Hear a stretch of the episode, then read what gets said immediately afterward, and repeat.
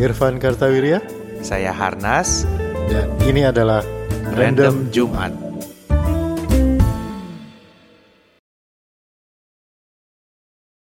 Halo, apa kabar teman-teman semua? Jumpa lagi di Random Jumat. Singa Buburit bareng sama kita. Iya, Saya masih Irfan ngabuburit. Kartawirya sama Harnas. Sama saya Harnas. Ya, kita pindah tempat aja dikit Iya. dibandingkan episode sebelumnya. Iya.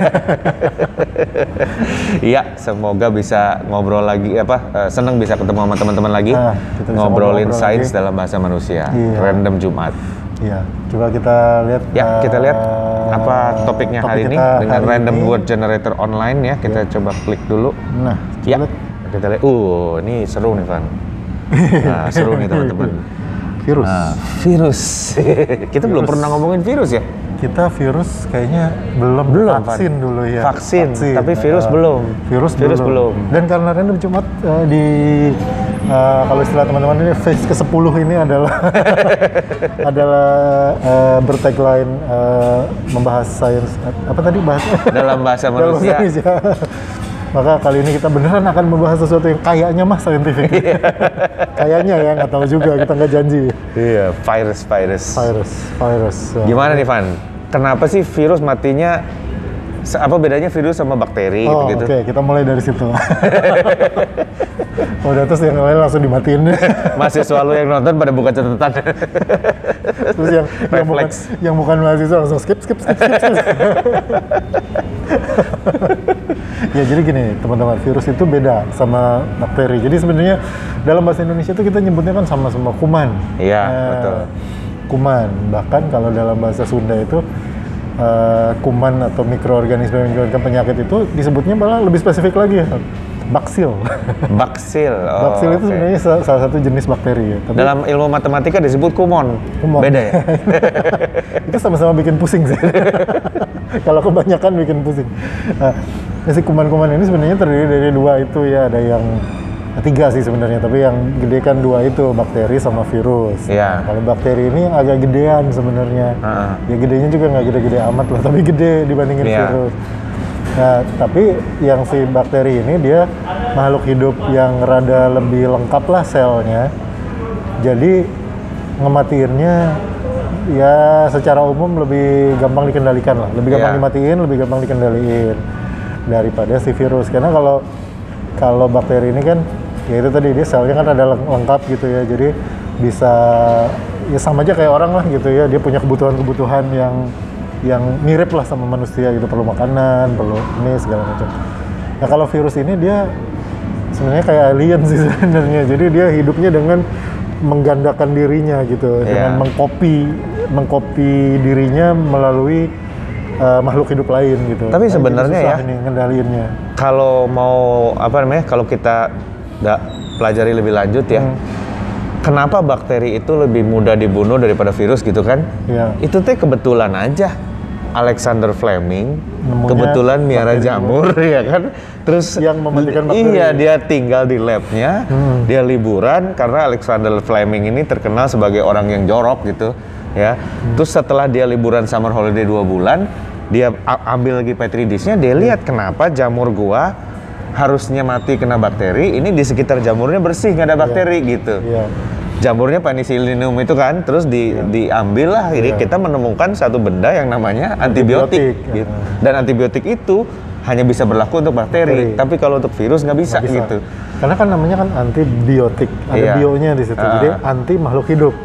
Nah si virus ini nih dia agak kurang lengkap disebut makhluk hidup gitu. Ah. Jadi dia emang nggak kena di situ. iya gitu. iya iya jadi sebetulnya eh, kita bisa menghandle bakteri dengan baik itu sebenarnya kebetulan Iya, salah eh, satu. ya salah satunya Bener, ada. penelitian kebetulan dari si Alexander Iya. Fleming itu kan Dan bakteri itu ya itu karena dia agak gedean gitu ya. eh handlingnya jadi lebih gampang karena itu karena dia agak gedean. iya Artinya kalau lu mau memisahkan, misalnya lu mau bikin air minum nih, mau steril nggak ada bakterinya, Iya. gitu. Kan bakterinya gede, Iya. disaring aja, gitu. Iya. Ya, tinggal lubang saringannya lebih kecil daripada ukuran si bakterinya, nanti kan Iya. akan kesaring. Tapi kalau virus karena dia bukan makhluk hidup lengkap gitu ya, dia kecil pisan gitu, Iya, jadi betul. mau disaring tuh virusnya ketahan, airnya juga ketahan. Iya, betul. Nggak ada yang lewat gitu. betul betul Nah itu eh, makanya lebih susah gitu terus kalau Iya. kayak di udara segala macam itu eh, virus itu memang lebih susah di apa ya dikendalikan gitu Iya, memang lebih susah dikendalikan karena dia saking kecilnya ya, Iya, dan dia dia bisa kecil. mereplikasi diri, tapi dia Iya. bisa membuat sakit masalahnya. Nah itu dia dan dia itu bedanya sama kayak beda beda sama makhluk hidup yang lainnya sama sel bakteri gitu. Kalau sel bakteri kan kayak kita lah gitu ya dia perlu yang perlu oksigen berarti dia perlu oksigen. Hmm. Iya. Yang nggak perlu oksigen berarti dia nggak perlu oksigen. Iya. Kalau yang perlu oksigen kita cegat oksigennya mati. Iya, Yang nggak perlu kita kasih oksigen dia mati. iya betul. Dia perlu makanan, dia perlu bernafas, dia perlu segala macam.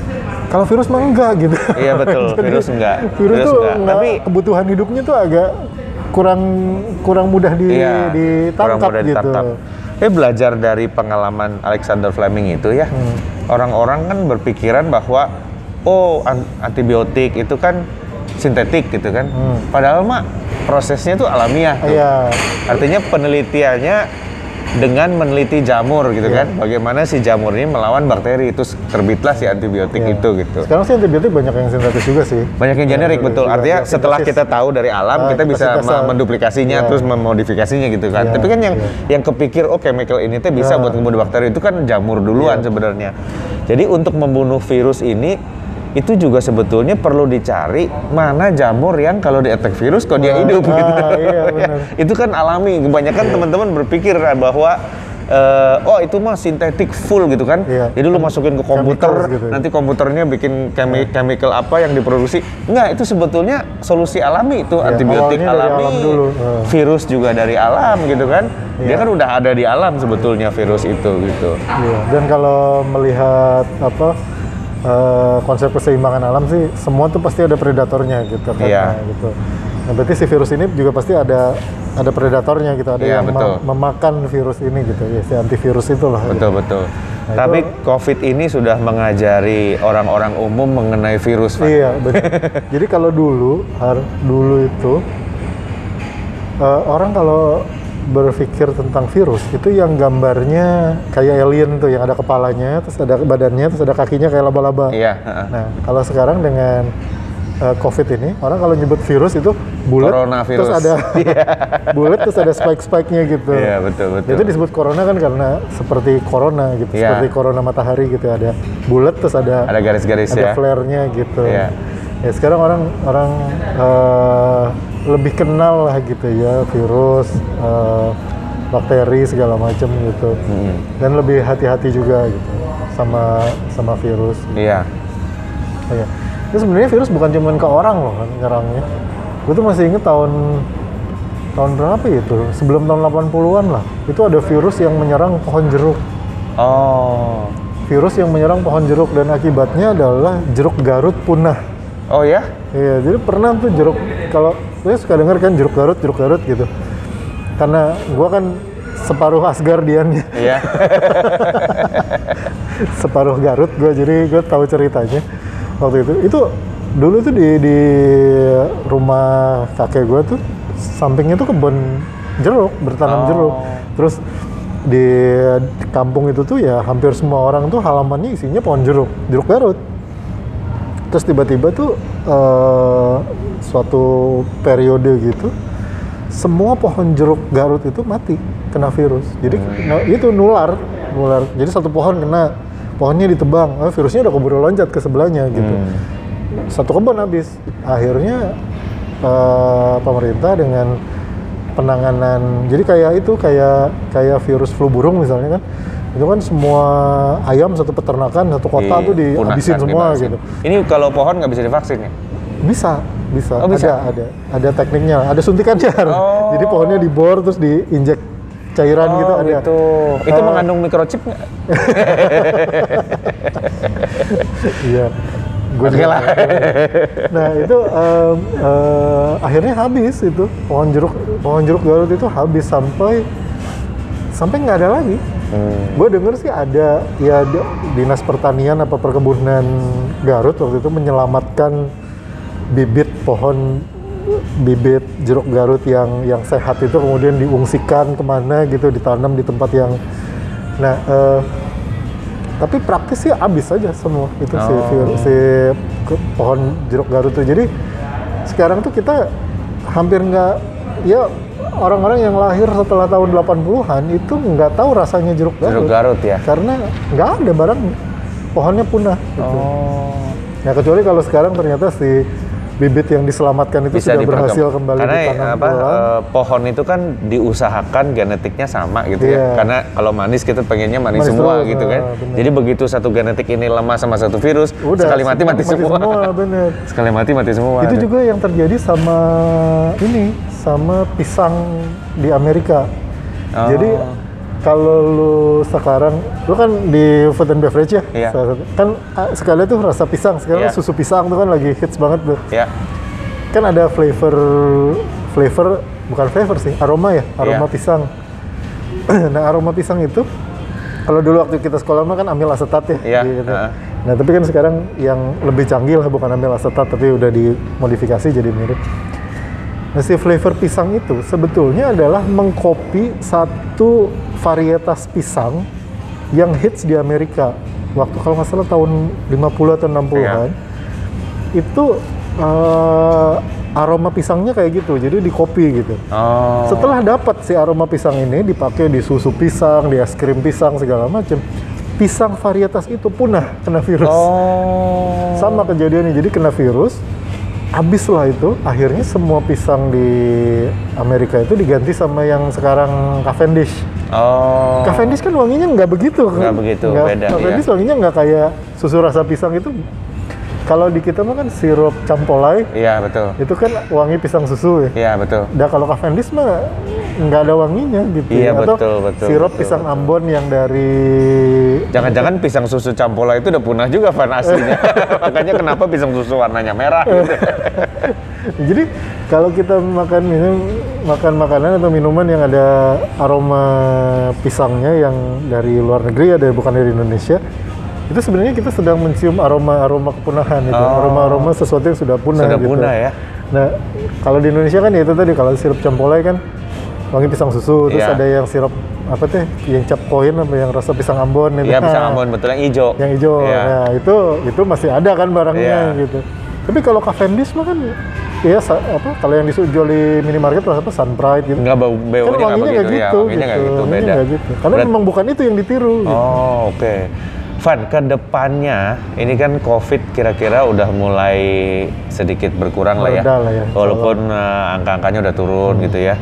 Meskipun ada varian baru ditemukan. Ya, itu varian coklat strawberry yang terbaru gitu ya. Kita merindukan masa-masa di mana varian itu flavor gitu. Flavor, ya. kita merindukan coklat strawberry, KitKat lah apa gitu. Nah, ini menurut lu gimana, Van? Eh, apakah akan ada varian yang lebih gahar lagi atau atau kelihatannya akan Ya. meredak nih sekarang? Natural lah ya maksudnya. Iya. Ini jangan dipakai taruhan ya, teman-teman ya. Kita nggak mengajukan. ini bukan binary option. itu bukan binary option. Ya tapi natural lah ya. Eh, mutasi dan evolusi itu kan terjadi di semua hal termasuk Iya. manusia gitu. Makanya orang kan ada yang kena kanker karena kan selnya bermutasi gitu. Iya. Eh, nah si virus ini karena dia lebih sederhana kan mutasinya jadi cepat gitu. Iya. Nah mutasi ini ya bisa bisa ke arah yang ganas, bisa ke arah yang jinak, bisa ke eh, intinya mah adalah dia harus memperbanyak dirinya sebanyak mungkin. Iya. Gitu. Nah kalau dia lebih berpikir bahwa atau merasa bahwa kalau dia nggak mematikan dengan dia bisa berkembang lebih cepat, ya dia akan berevolusi atau bermutasi ke arah yang itu. Tapi kalau Iya. dia pikir mendingan nular cepat orang yang mati nggak apa-apa gitu, Nah, Iya. si virusnya akan mengarah ke situ. Jadi sebenarnya mah natural lah gitu. Itu sesuatu yang menurut gua mutasi virus itu kita hadapi seperti kita menghadapi eh, hujan dan angin aja Betul. gitu. Ada satu buku namanya Spillover. Hmm.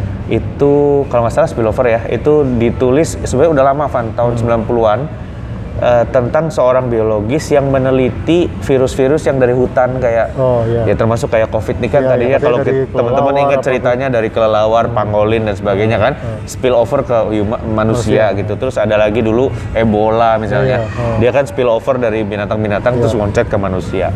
Ketika dia diinterview mengenai COVID, dia sama sekali nggak kaget tuh. Iya. Dia bilang kaget nggak bakal ada virus segini ganas yang datangnya dari kelelawar? Enggak, Enggak. dia bilang. Bahkan rate posib apa namanya uh, possibility terjadinya spillover berikutnya, artinya virus Iya, binatang yang menular ke manusia itu bisa dihitung Iya. berdasarkan kerapatan padat penduduk dia bilang. Iya. Kenapa? Semakin banyak deforestasi, semakin banyak pohon ditebangin seperti di Semakin Cina banyak gitu kan kontak, masif ya. eh, Semakin banyak kontak antara manusia dengan binatang itu yang yang bisa loncat ke Loncat ke manusianya manusia, gitu. betul. Dan salah satu area yang menurut hitungan dia resikonya paling tinggi adalah Pulau Jawa. Karena orangnya banyak pisan. Orangnya banyak Ya, pisan, Pulau Jawa adalah pulaunya pulau- kecil.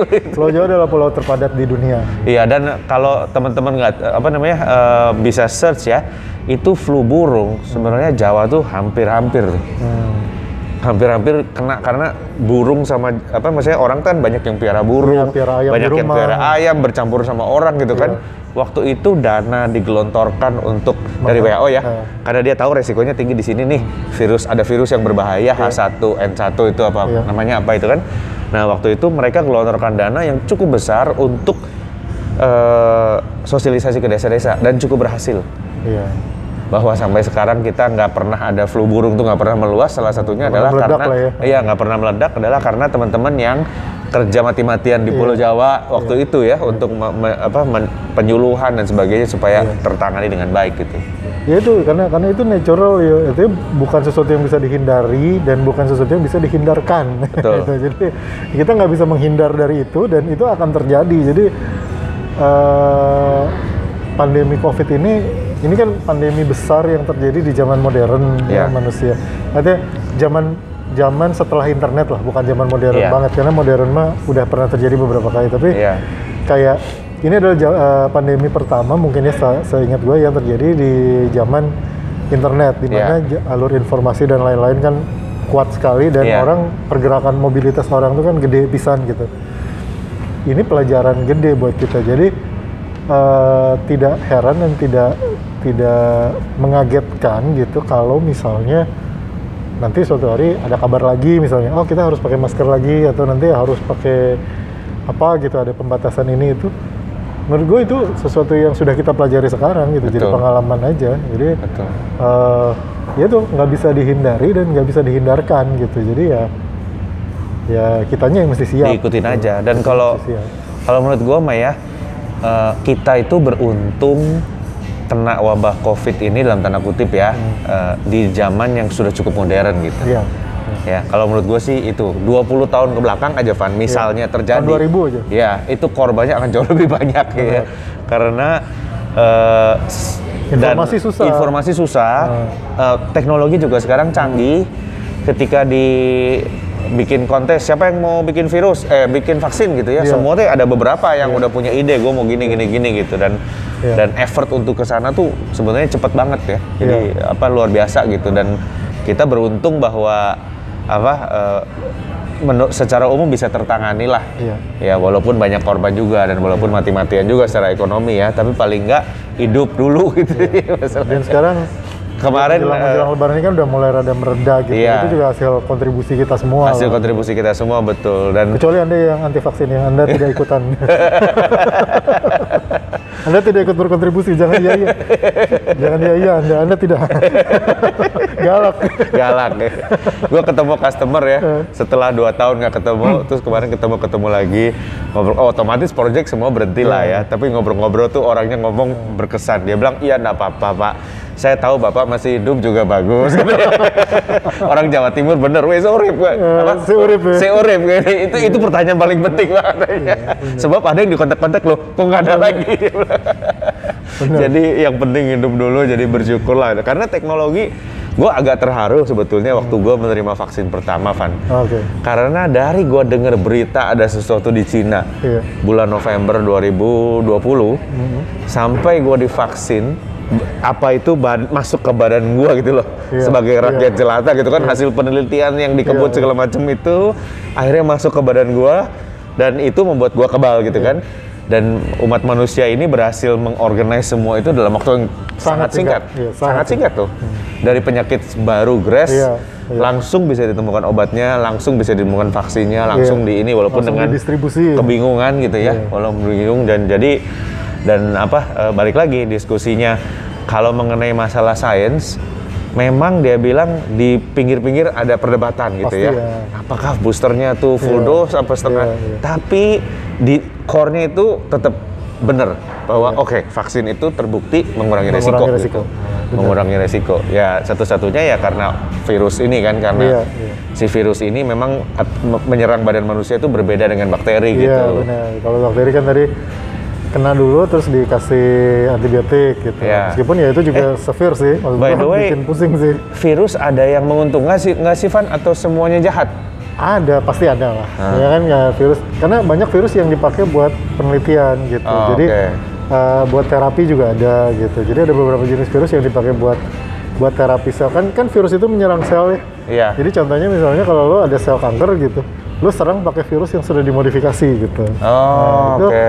Jadi si pembawa Sel kankernya bisa mati gitu ya? mati gitu. Jadi dan dia spesifik kan dia akan mengcopy bagian itu. Gitu. Jadi eh, ada sih dan beberapa beberapa virus lain juga dipakai di kayak tadi kan gue bilang di pertanian gitu itu juga dipakai gitu untuk untuk melawan virus lain yang lebih berat gitu. Hmm. Jadi ada lah pasti ada ada. Selalu kalau di di di alam ini kan selalu ada yang eh, berbahaya tapi selalu ada yang Iya, varian yang betul, yang betul, betul. bisa Dan dimanfaatkan lah gitu. Di dalam tubuh kita nih ya selalu ada virus sebenarnya. Selalu, selalu ada Apakah jenis apa gitu ya? Selalu ada virus, selalu ada bakteri, selalu ada kuman. Iya, selalu ada kuman. Iya. Dan dari seluruh badan kita, kalau nggak salah, kalau dicek DNA-nya yang punya kita sendiri cuma 10 atau 20 persen Iya, gitu. Dibandingin Dibandingin sama- semua mikroorganisme yang tumbuh di kulit, di mana, di Iya. muka gitu ya.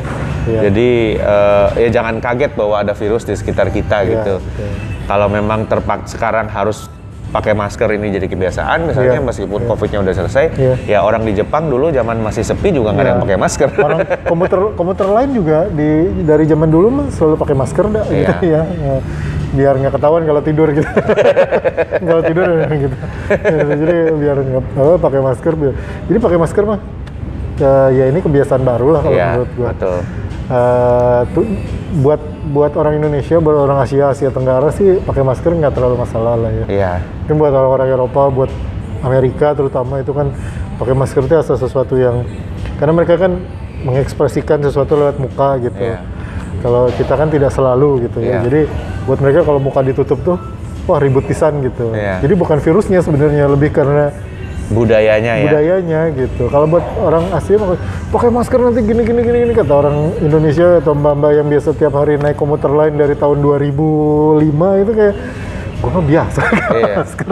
Tapi orang-orang Indonesia mah simple aja, Van. Hmm. Kalau di Amerika misalnya mau harus pakai masker gitu kan, semua orang kan langsung hukum kan. Iya. Oke, eh, saya bikin peraturan ini sesuai Iya. undang-undang baru, terus undangnya dituntut karena tidak sesuai dengan hukum. Kalau orang Indonesia gampang, mau masuk mall pakai masker, selesai, Hmm. pasti. masuk semua. Pasti pakai. pakai pakai. Kalau mau mudik di kereta pakai masker pakai lah. Angus lah, pakai. Jadi orang Indonesia mah apa, ma- malas rugi dia pokoknya. iya. Kita lebih benefit oriented. Iya, gitu. lebih benefit oriented, betul. Lebih pragmatis. pragmatis gitu. Jadi bukan Kalau mau masuk ke bioskop harus pakai masker, ya pakai. daripada nggak nonton Batman. Daripada nih. menonton Batman rugi.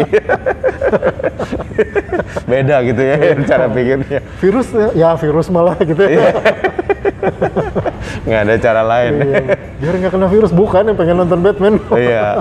Tapi hati-hati eh, dengan penelitian COVID ini menurut saya kalau ada virus-virus lain ke depannya pun kita harusnya lebih siap lah. Insya Allah sih harusnya lebih Ya, harusnya siap lebih dan siap. lebih paling nggak kita punya ininya, punya blueprintnya lah gitu. Belum, punya apa yang harus dilakukan, apa yang jangan dilakukan. Betul, betul. Dan di saat apa ya? Protokolnya lah gitu. selama COVID ini terjadi perang, terjadi apa gitu ya. Ini dikonfirmasi sama Bu Herawati Sudoyo nih. Halo Bu Hera.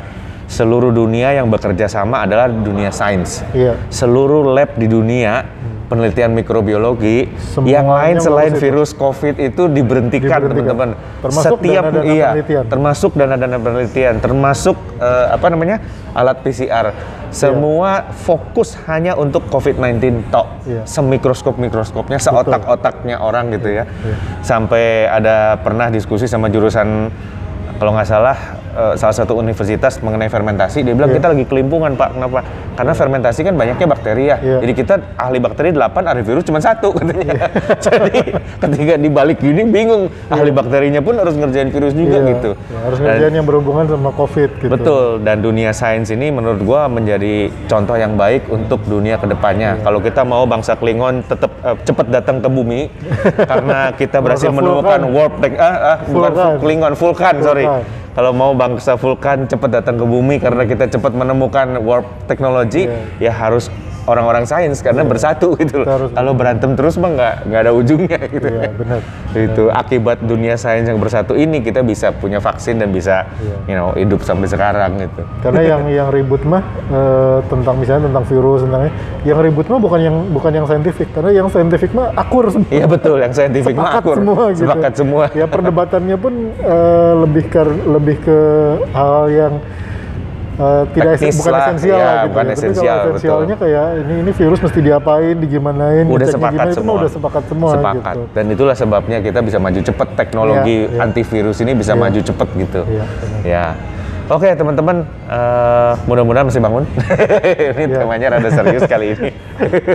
ngomongin virus nih soalnya jadi Iya. mudah-mudahan virus yang sekarang bermutasi terus ini eh, terkendali lah kita Iya. nggak bisa bilang udahan tapi Iya. terkendali dan karena itu kita bisa hidup dengan eh, lebih nyaman ya dengan Iya. pembatasan yang berkurang gitu betul, betul. Oke, terima kasih sudah dengerin Random Jumat. Sampai jumpa di acara kami berikutnya. ya di random Jumat berikutnya jangan lupa eh, Oh di ya, subscribe like lah kalau belum subscribe, eh, yes. Ya, karena kita kalau uh, upload yang baru, kalian kan dapat uh, pemberitahuannya kalau uh, Notifikasinya subscribe. dijalankan, Kalau notifikasinya ya. dinyalain juga, kalau subscribe juga. Ya. Nah, saya Harnas. Saya Evan Kartawirya, kita ketemu di random Jumat berikutnya. Bye.